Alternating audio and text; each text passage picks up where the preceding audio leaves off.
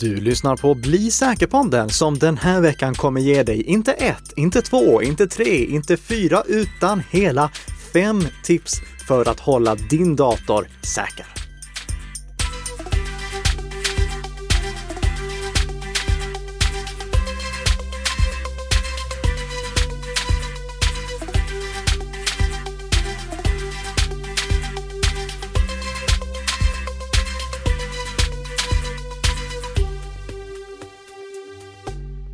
Ja, god morgon, god morgon och varmt välkomna till Bli säker-podden med Nicka och Tess i en eh, ensemble av eh, härliga tips som vi ska dela med oss av för att du ska kunna hålla din dator säker. Ja, hela fem stycken. Fem stycken, ja. Ja. Det, och, och det roliga är, hela den här inledningen är ju egentligen en, en, en lögn. Eh, För det är sex tips som vi kommer dela med oss av. Ja, Men, ja, men det sjätte tipset sparar vi till nästa vecka. Så fem tips den här veckan och så får du ett helt extra tips nästa vecka också. Eh, Den här podden är producerad i samarbete mellan Nika Systems och Bredband2 som vi brukar framhålla och eh, den ger vi ut varje fredag. Vi spelar in den så här på torsdags eftermiddagar, men inte nästa vecka. För nästa vecka, då är jag nämligen bortrest och därför kommer vi då spela in nästa veckas avsnitt imorgon. Mm. Vill du berätta vad du ska?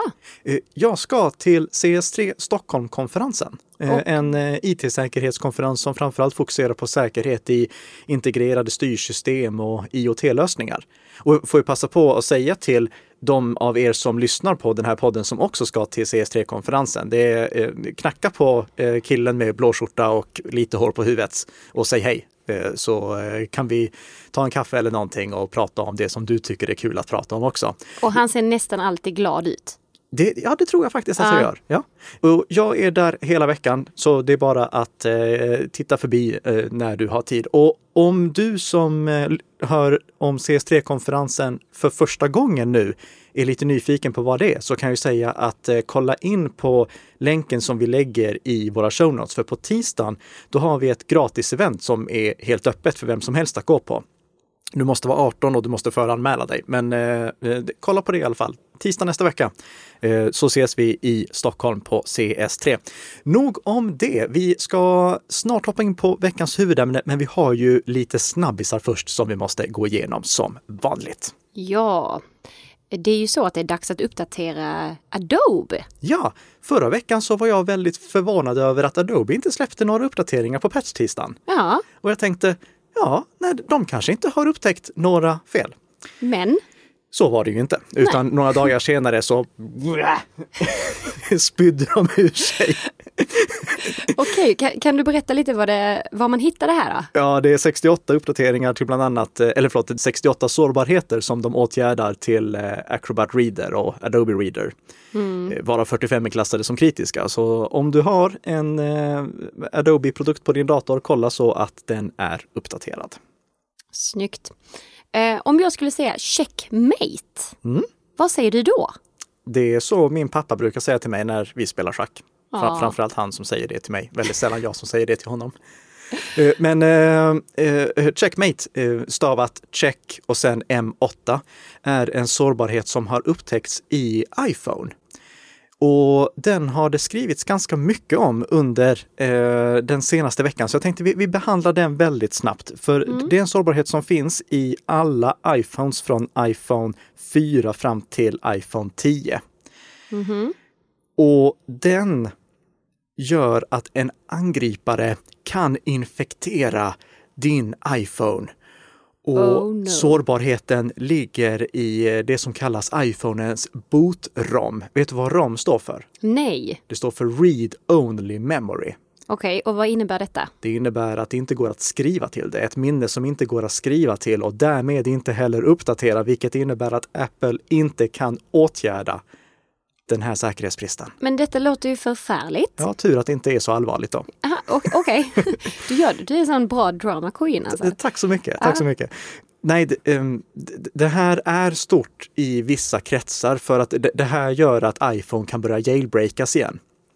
För några år sedan så var det populärt att göra det som kallas jailbreak, alltså att man kringgick Apples säkerhetsmekanismer för att man skulle kunna lägga in en egen appbutik och installera piratkopierade program och liknande. Vad jag känner till så eh, är jailbreak väldigt litet fenomen idag. Det är inte någonting som speciellt många pysslar med, troligtvis eftersom att iPhonen har blivit mycket mer kompetent än vad den var för några år sedan, rent funktionalitetsmässigt. Mm.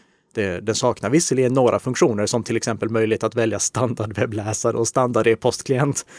Men uh, det, det, det, är sällan som man behöver jailbreaka nu för tiden. Och jag vill poängtera till alla som lyssnar att ni ska absolut aldrig någonsin göra det som kallas att jailbreaka er iPhone för att då sätter ni alla säkerhetsmekanismer ur spel. Mm. Hur som helst, det här är någonting som är till stor nytta för dem för att då kan de börja leka med sina egna mobiler. Men det är inte någonting som vi slutanvändare behöver vara oroliga för. För att för att den här sårbarheten ska kunna utnyttjas måste en angripare få tag i vår mobil, ha vår, eh, vår, vår skärmlåskod, mm. koppla den till sin dator och därigenom infektera mobilen. Okay.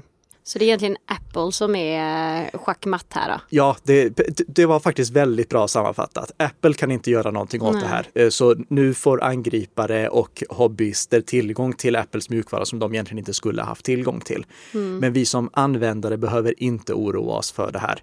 Eh, det är en stor händelse i jailbreaking-communityt. Det är inte en stor händelse i säkerhetscommunityt. Okay. Jag kan även tipsa om en fantastisk intervju som Dan Goodin, eh, det är en av mina favoritjournalister. Han jobbar på Ars Technica och gjorde en intervju med eh, personen som upptäckte eh, den här sårbarheten och visade hur man kunde utnyttja den. Mm. Läs jättegärna den intervjun, den är mycket underhållande att läsa. Vi kanske kan länka med den då? Vi gör absolut det. Va?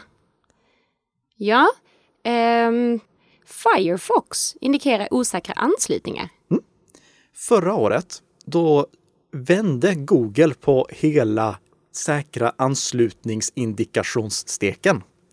Om man mhm. kan säga så. Det vet jag inte om det var bra uttryckt, men i alla fall, jag kan förklara vad jag menar. Ja. Eh, fram till dess så indikerade Google säkra anslutningar med ett fint hänglås. Mm. Så att man såg att det här var en säker anslutning. Och om det var så att anslutningen inte var säker, då var det bara ett litet informationstecken, ett litet i. Mm. Eh, sen ändrade de på det så att de istället varnar för osäkra anslutningar eh, och ser säkra anslutningar som standard. Så nu är liksom ett grått hänglås, det är det som man ska förvänta sig att se där. Och om sajten inte stöder säkra anslutningar så avviker det tydligt. Det står inte säker i, mm. i själva adressfältet.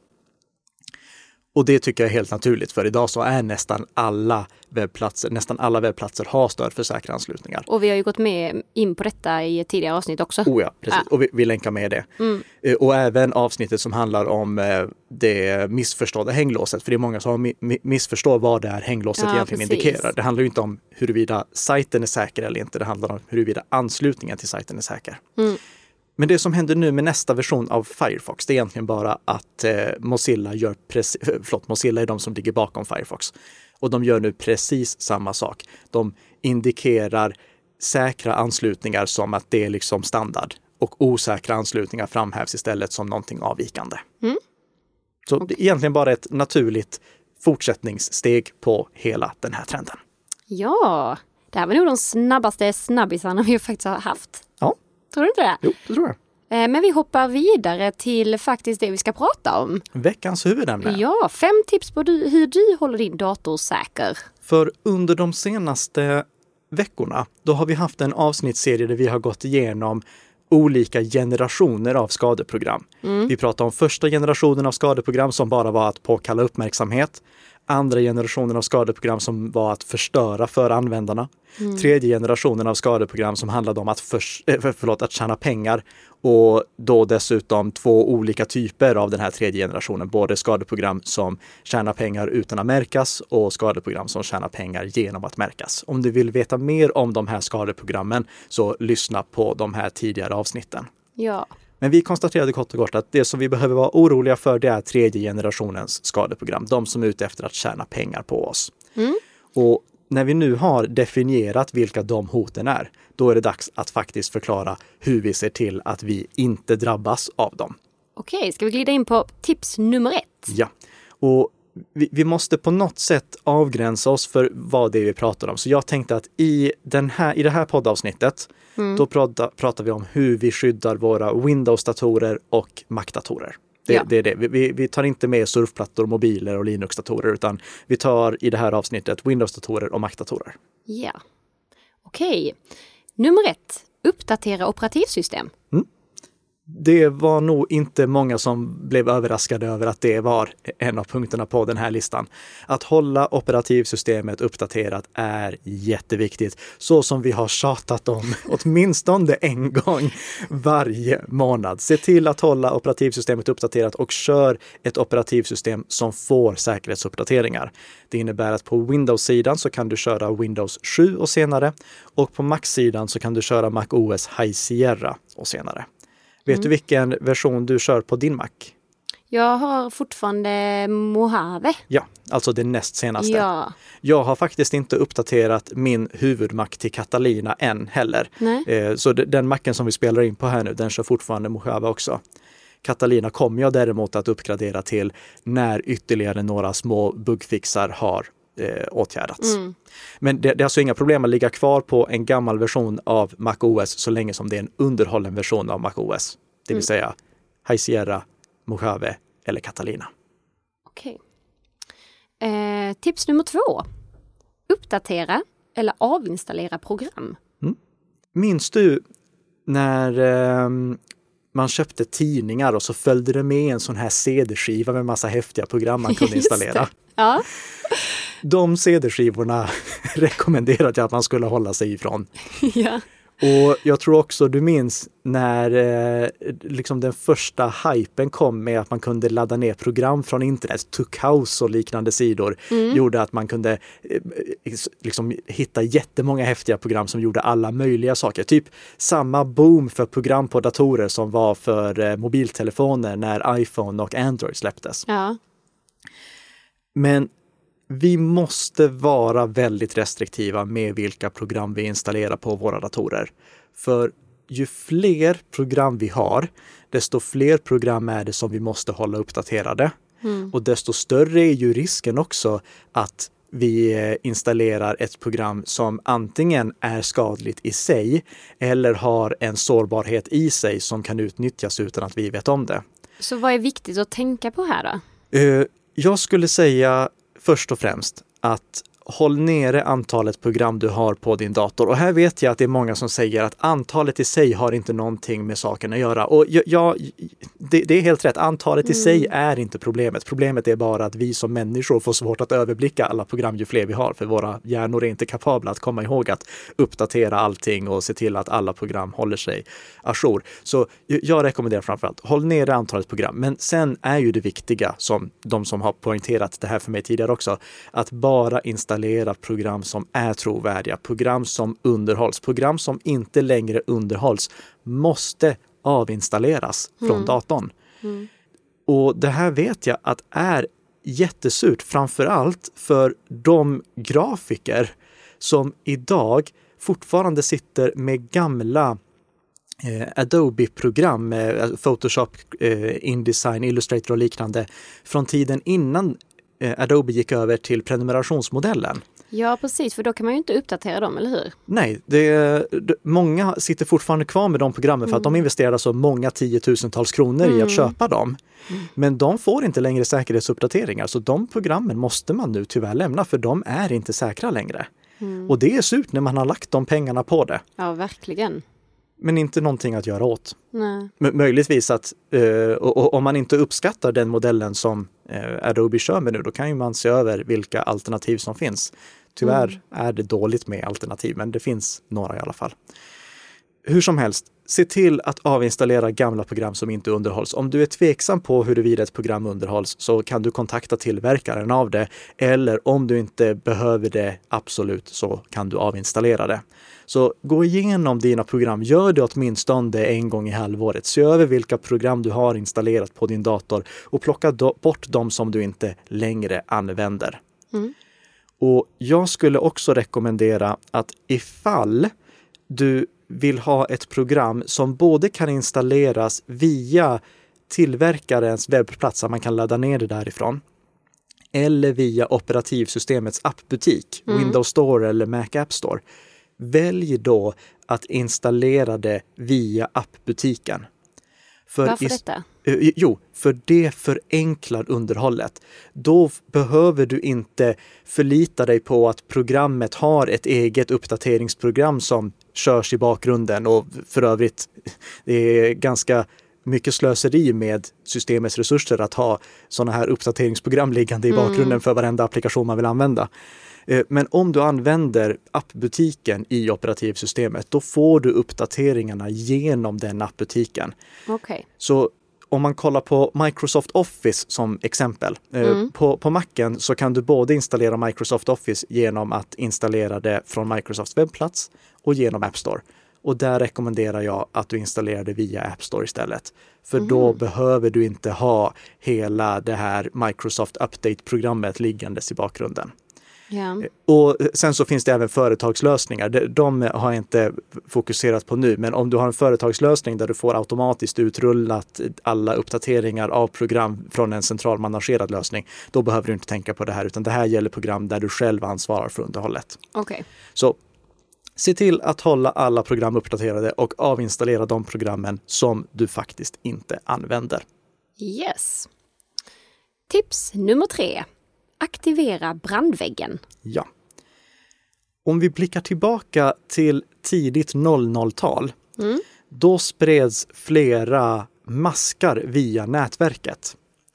Eh, Ett exempel på maskar var eh, Sasser som gjorde att datorn startade om så här i tid och otid, Ja, eh, efter 60 sekunder så som vi pratade om i det tidigare avsnittet. Ja. Och för att få bukt med det problemet så släppte Microsoft Windows XP Service Pack 2. Och i Windows XP Service Pack 2 förhöjde de säkerheten rejält genom att ha en inbyggd brandvägg aktiverad som standard. okej. En brandvägg är egentligen bara i det här fallet en mjukvara som har koll på vilka inkommande anslutningar som ska släppas igenom. Så att om eh, en angripare, till exempel en infekterad dator, försöker att hitta sårbara datorer så skannar de av nätverket och ser ifall det finns någon dator de kan infektera där. Men om brandväggen är aktiv, då kan inte det programmet sprida sig utan att det i sin tur finns någon sårbarhet på den datorn som den attackerar. Okej. Idag är, eh, och sen Windows XP Service Pack 2, så är brandväggen aktiverad som standard på alla Windows-datorer. Ja. Så du behöver som användare inte göra någonting ifall du inte har medvetet stängt av den. Hur är det med Mac då? Där är den inte aktiverad som standard. Okej. Och det kan låta allvarligt, men det är inte lika allvarligt. För MacOS har inte tjänster som lyssnar på inkommande anslutningar på samma sätt som Windows hade. Så även om Macen inte eh, har brandväggen aktiverad som standard så går det inte att infektera den på samma sätt som det gick att göra med framförallt gamla Windows XP-datorer. Så den är inte aktiv som standard där, men jag rekommenderar dig att öppna systeminställningar, gå till säkerhetsinställningarna och välja att aktivera brandväggen. Jag tror att anledningen till att den inte aktiverats som standard i MacOS är att den inte behövs i samma utsträckning och att det kan orsaka problem med att vissa applikationer slutar funka. Men jag har inte själv upplevt några sådana problem de senaste tio åren. Så jag rekommenderar alla att ha den påslagen. Även om Macen och dess inbyggda applikationer i sig inte går att attackera på samma sätt som det gick att göra med de gamla Windows XP-datorerna, så installerar ju du som användare massa program på din dator som i sin tur kan vara sårbara, eh, som kan lyssna på inkommande anslutningar. Om du skulle installera en webbserver eller om du skulle installera ett program som i sin tur har en liten webbserver i bakgrunden, så som vi till exempel pratade om att Zoom hade. Mm. Se, se till att ha brandväggen aktiverad som standard. Om du upplever problem med den, så lägg till ett undantag för programmet som inte fungerar. Okej, så det kan man göra. Absolut, det är bara att klicka på plustecknet och så väljer du att lägga till programmet som du vill göra ett undantag för. Men ha den gärna aktiverad som standard på MacOS och ha den absolut aktiverad som standard på Windows. Utan undantag. Jag vet att det finns de som stänger av den, till exempel gamers som upplever problem. Men om du upplever sådana problem, då måste du kolla på hur du ska konfigurera brandväggen så att du slipper de problemen. Googla på eh, Windows Firewall och så spelet eller eh, applikationen som du nu vill köra som inte funkar som den ska för att lösa just det problemet. Slå aldrig av brandväggen. Så du menar att det ska funka att ha en brandvägg oavsett? Eh, inte bara ska, det gör det. Du, Ja. kan, du kan alltid ha en brandvägg på. Det, du kan behöva konfigurera den, men det funkar alltid att ha den påslagen. Så ha det. Och jag vet också att det finns en vanligt förekommande myt som säger att brandväggen i din router ersätter brandväggen i din dator. Ja. Det är inte sant. Brandväggen i din router skyddar det interna nätverket från inkommande anslutningar över internet, så som vi har pratat om i tidigare poddar också, eh, när vi pratade om hur man skulle konfigurera sin router. Men den skyddar inte på något sätt mellan att attacker som kan ske från en dator i nätverket till en annan dator. Så om en dator i nätverket blir infekterad, en person eh, i hemmet eller på kontoret råkar ladda ner ett eh, program som visar sig vara infekterat, då kan eh, en sådan mask från det programmet sprida sig i det interna nätverket om inte alla datorer har brandväggarna aktiverade. Så bara för att du har en brandvägg i din router kan du inte slå av brandväggen i din dator. Du ska ha båda brandväggarna aktiva. Så båda är nödvändiga. Båda är i allra högsta grad nödvändiga. Ja. Ehm, tips nummer fyra. Använd inte administratörskonto.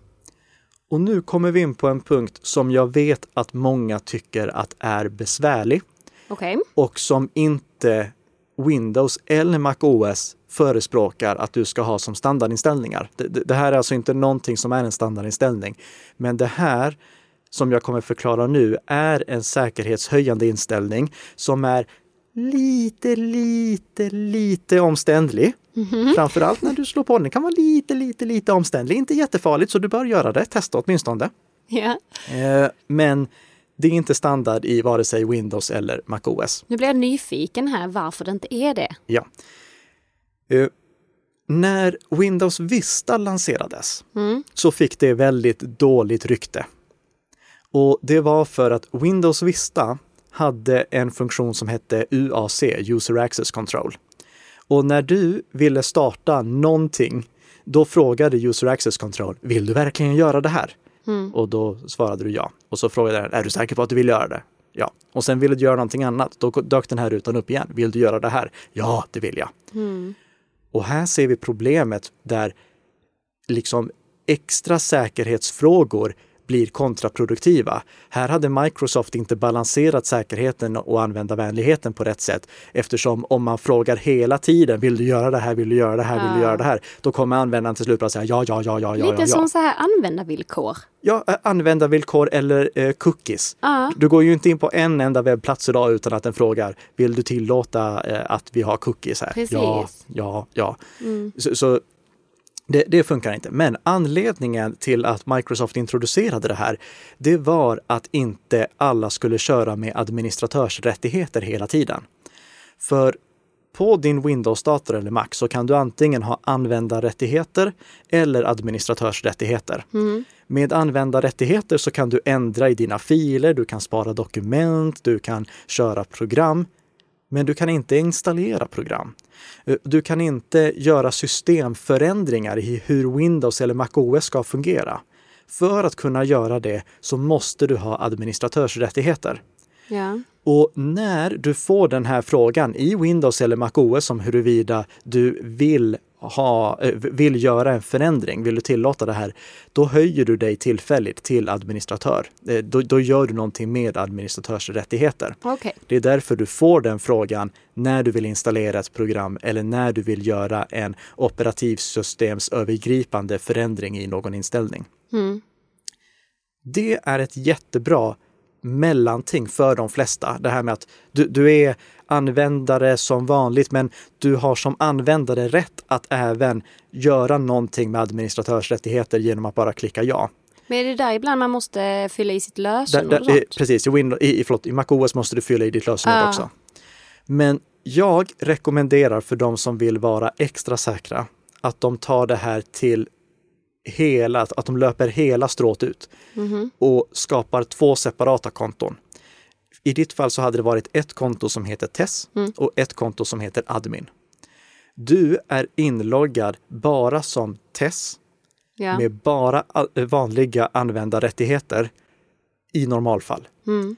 När du vill göra någonting som kräver att du har administratörsrättigheter, då loggar du istället in som administratör och gör det. Så du kör testkontot som är användarkonto med användarrättigheter som standard. Och när du vill göra en förändring, installera ett program eller liknande, då loggar du in som administratör istället och gör det. Och då kommer de liksom synka då? Absolut. Ja. Och det här är är anledningen till att jag rekommenderar det. Det är att vi har sett flera skadeprogram som inte hade kunnat få systemövergripande Um, de hade inte kunnat nå in på operativsystemsnivå och göra förändringar i själva datorn om vi hade varit inloggade som enbart användare. Mm. Och därför för de som är tekniskt kunniga rekommenderar jag den här lösningen istället. Den är lite omständigare. Den är kanske inte för alla, men om du som användare kan tänka dig det så rekommenderar jag det.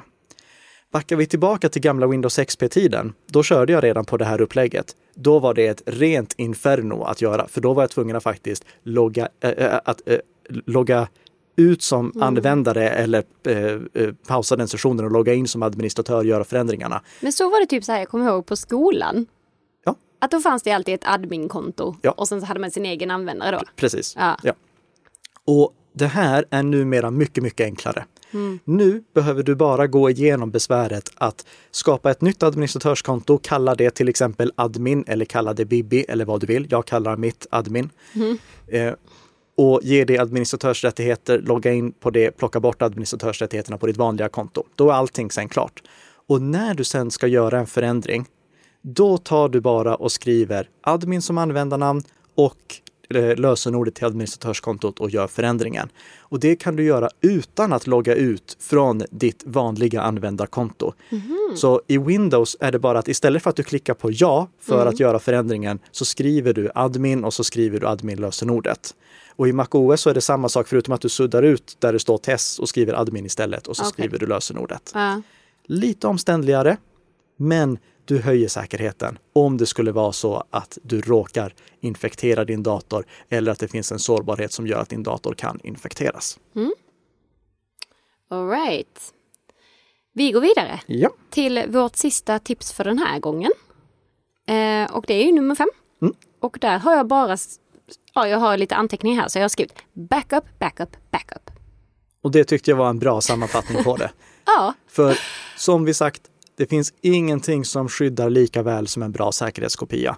Se till att du har bra backup på din dator så att om den skulle bli infekterad så blir du i alla fall inte av med dina bilder, dina eh, dokument, dina filmer, dina musikklipp. Allt det som betyder någonting för dig har du kvar.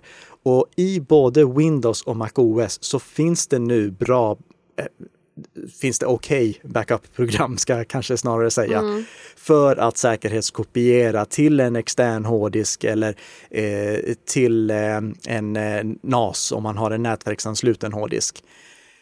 Det går att kombinera det med molnlagring också för att hålla sig riktigt säker och vi kommer i ett kommande avsnitt prata om goda säkerhetskopieringsrutiner där vi pratar om hur man sätter upp säkerhetskopiering så att oavsett vad som händer, om huset brinner ner, om det blir inbrott, oavsett vad som händer så blir man inte av med sina filer.